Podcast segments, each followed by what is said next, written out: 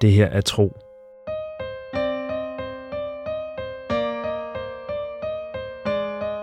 En eventyrlig podcast fortælling i 55 afsnit.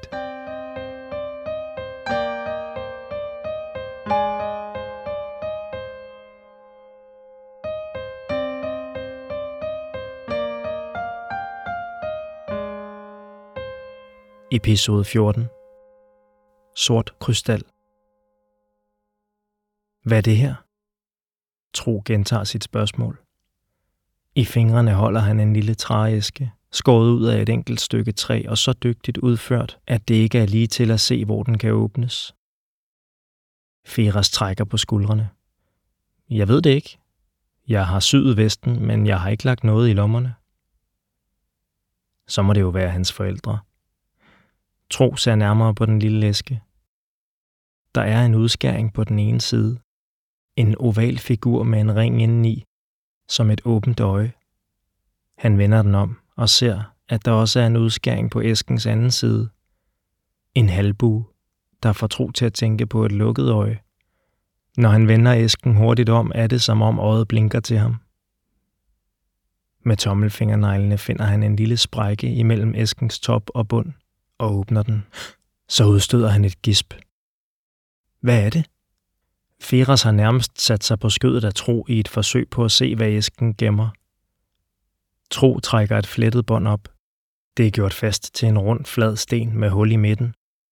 Den passer akkurat i Tros håndflade og er en anelse mørkere end hans egen hud. Bedstefars armbånd. Det har han altid på, siger Tro. Feras nikker. Ja, det har jeg også bemærket, når jeg har talt med ham. Husk grøden. Han nikker hen mod gryden, og Tro skynder sig at røre i den. Imens tager Feras armbåndet ud af Tros hånd. Han drejer det langsomt, så den flade sten vender rundt. Det glimter i den mørke overflade, når den fanger skæret fra ilden. Bedstefar har fortalt, at det er skåret ud af sorte krystaller fra bjergene på den anden side af ørkenen, siger Tro. Ja, det er ganske muligt. Firas holder det prøvende i hånden, som får at afgøre vægten af den ringformede krystal. De har i hvert fald krystaller af denne art på de kanter, og jeg har før set smykker som dette. Han slår forsigtigt kanten af stenen mod sin hjørnetand og nikker anerkendende. De er faktisk ganske almindelige og ikke særlig kostbare, men ikke desto mindre kan de være utroligt smukke. Feras lægger krystallen tilbage i æsken og rækker den til tro. Så pas godt på det. Du ved aldrig, om nogen kan finde på at fatte interesse for sådan et smykke og tro, at det er sin vægt værd i guldstykker. Bedstefar havde det på hver dag, og også når han sov. Tro tager armbåndet op til næsen. Det dufter af bedstefar og hans hytte, og giver ham en skøn og tryg følelse i hele kroppen. Jeg vil også have det på hver dag, indtil jeg kan give ham det tilbage. Tilbage? Firas rækker sin skål frem mod gryden, og selvom Tro gerne vil have givet grøden et øjeblik mere på ilden, tager han den af og hælder op til sin rejsekammerat. Så øser han også op til sig selv. Hælder flydende honning over og drysser tørret sødbær ovenpå. Jeg vil give bedstefar armbåndet tilbage, når jeg ser ham. Jeg kan ikke tage imod sådan en gave. Det er jo næsten som om han har skåret et ben eller en arm af. Det armbånd er en del af ham, og han vil garanteret savne det dag og nat, fordi han har givet mig det. Jeg er selvfølgelig glad for det. Tro puster til grøden og smager en bid. Hvor har han dog været sulten. Jeg mener, det føles godt at have noget med mig, der minder mig om ham og om vores liv i landsbyen. Men det er ikke mit, og han skal have det tilbage. Det ville være noget andet, hvis han var... Tro har ikke lyst til at gøre sin sætning færdig. Han spiser i stedet videre, og også Feras har travlt med at skovle i sig. Han sætter dog skålen fra sig et øjeblik og åbner igen den lille læske. Men indtil videre kan du jo tage det på. Lad mig hjælpe dig, siger Feras og lukker smykket om trosarm. Det skinner mørkt og glat midt i armens hvide hår. Tro holder det op foran sig og synes pludselig, at hans arm ligner noget, der burde sidde på en voksen. Æsken stikker han tilbage i vesten og mærker, hvordan den først rammer bunden af den fortryllede lomme efter et lille øjeblik. Han får en tanke. Hvordan skal jeg kunne finde mine ting igen i de lommer? Jeg bliver i hvert fald nødt til ikke at fylde dem op med alt muligt, siger han, mest til sig selv. Feras sluger en mundfuld og skyller efter med sin mørke øl. Han har også hældt op til tro, men den er for kraftig for slettedrengen, som dog er for høflig til ikke at smage lidt på den. Hvis mine besværgelser ellers virker, og det gør de nu som regel, så kan du bare fylde lommerne op, til der ikke kan være mere. For når du griber ned efter, lad os nu sige et stykke røget bacon, nej forresten, det vil du nok aldrig gøre, men lad os så sige et hårdt, tørt, daggammelt brød, eller en pose af din sure og triste urtete. Ja, hvis du skulle ønske at få fat på en af disse godbidder, og du stak hånden ned i lommen, så vil dine fingre helt af sig selv lukke sig om netop brødet eller teposen som det første. Du fisker simpelthen det op, som du tænker på. Feras ser ikke så lidt stolt ud. Det smager ikke helt dårligt, tro. Er der mere? Tro skænker en ny portion op til ham og beslutter sig så for at prøve, om fortryllelsen virker. Han tager et stykke bark fra et hult træ, en sten, et blad, sin lille fløjte, tre tørrede sødbær og sin træske, som han har slikket tør for grød, og putter det hele ned i lommens rummelige indre. Sødbær, siger han, stikker hånden i lommen og trækker straks et lille bær op. Sten. Denne gang tænker han bare på stenen, men resultatet er det samme. Op af lommen kommer stenen, og sådan går det hver eneste gang, han prøver. Som jeg sagde, min besværgelse virker som regel, siger Feras, og ser om muligt endnu mere stolt ud. Tro tømmer lommerne, men lader æsken og fløjten blive tilbage. Kan du lære mig det, spørger han så. At synge fortryllelser? Vil jeg kunne lære det? Feras trækker bare på skuldrene. Som sagt skal man have evnen. Jeg er bange for, at du kunne synge herfra til de store skove og tilbage igen, og ikke får meget andet ud af det end en hæs stemme og en rejsemarker med ondt i ørerne, siger den omrejsende. Laver du os ikke en kop aftente? Mens Feras sætter sig til at brodere videre på tæppet, rydder Tro op efter maden og sætter vand over. Baggal har lagt sig lidt derfra. Ligesom lærsnuder sover den åbenbart liggende på jorden. Men et dyr af den størrelse har jo også meget få naturlige fjender og har sjældent brug for at være hurtigt på benene. Det er kun også folk, du skal være bange for, visker Tro bedrøvet. De lægger sig til at sove i kernen. Tro ligger på sine skin under et tæppe. Feras rumsterer længe rundt. Først breder han flere tykke forskin ud. Så arrangerer han sine bløde puder. Så finder han en dyne frem, syet i firkanter af bløde dun, og hele tre silketæpper, i hver sin nuance af rød. Dem ryster han et efter et og breder ud over sit leje, indtil han er tilfreds med, hvordan de falder. Tro tænker på sin familie. De er også gået til ro nu. Han holder rundt om armbåndet. Du får det altså tilbage igen, bedstefar, visker han. Hvad siger du, spørger Firas, og holder en lille olielampe hen mod Tros ansigt. Drengen misser mod det pludselige lys. Ikke noget, bare godnat.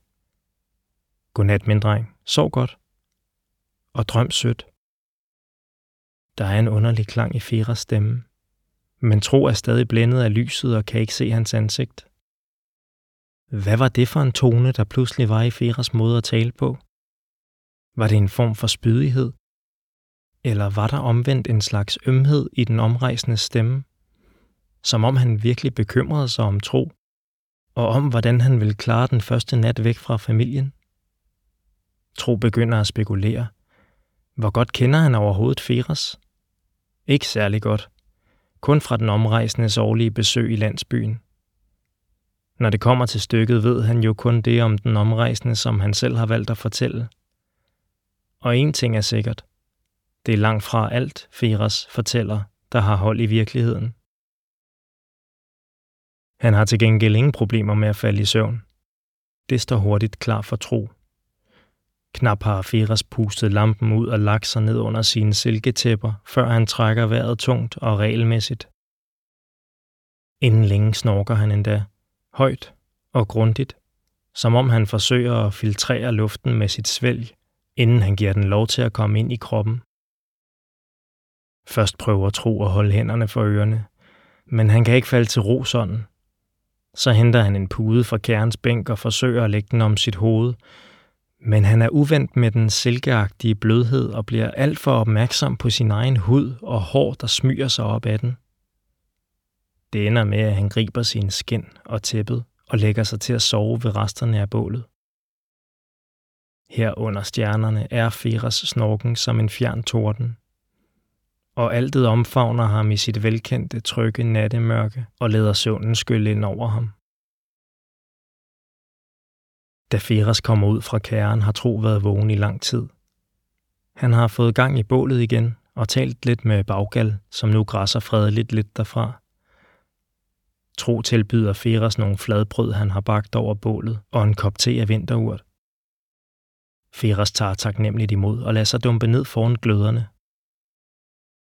Man sover glimrende i kæren, ikke sandt? spørger den omrejsende.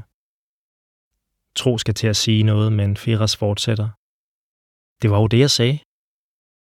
Faktisk har Tro sovet glimrende, om end kortere end Feras. Han har drømt om sin far og mor, og også om bedstefar. I drømmen skulle Tro sove, og bedstefar puttede tæpperne rundt om ham, og det var så dejligt varmt og trygt. Og så lige pludselig var det Feras, der stod over ham og smilede ned til ham. Og Tro kunne stadig i drømmen lægge sig til at sove, mens Feras vågede over ham. De drager snart videre.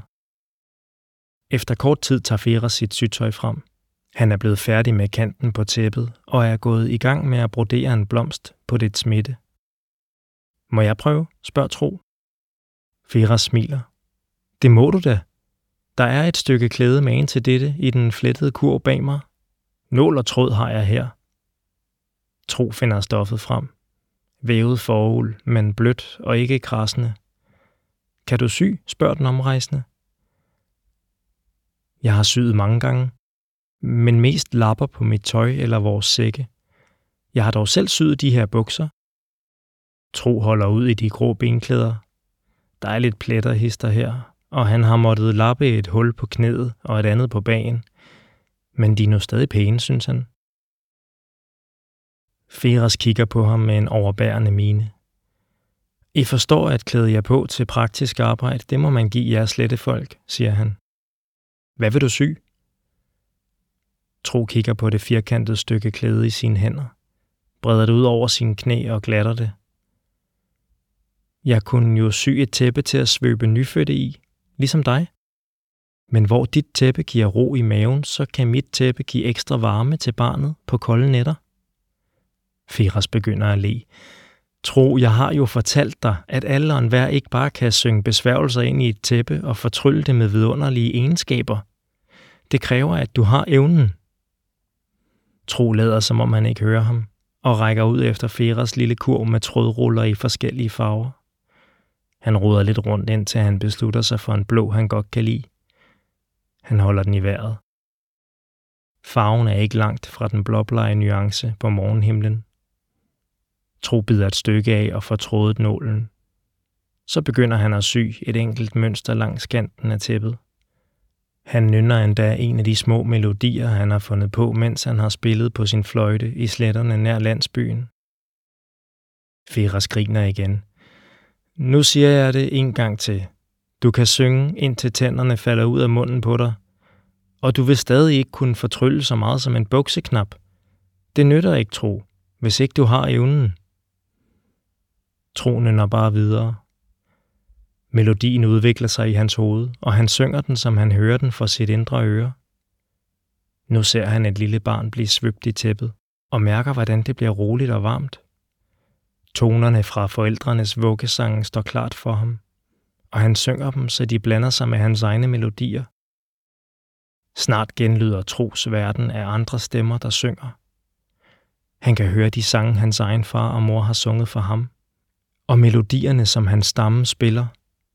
Og tonerne danner et landskab foran ham, hvor han kan vandre rundt og plukke af musikken og føje den til hans egen. Tro ved ikke længere, hvilke toner han selv synger, og hvilke der genlyder i hans sind. Men hele tiden kan han se sine hænder bevæge sig og sy det ene sting efter det andet i det blå mønster, der skal udgøre fundamentet for hans fortryllelser. Han kan også se Feres, der betragter ham, nu alvorligt og opmærksomt. Den omrejsende er stille. Man Tro kan høre hans stemme som et ekko i sit indre, der blander sig med de mange toner. Du har evnen. Sådan slutter denne episode af Tro. Se et kort over alle byerne i fortællingen på tropodcast.dk. Her kan du også se Christian Funders flotte illustrationer. Tro er skrevet, indtalt og produceret af mig. Jeg hedder Mikkel Prytz, og jeg håber, du vil lytte med næste gang.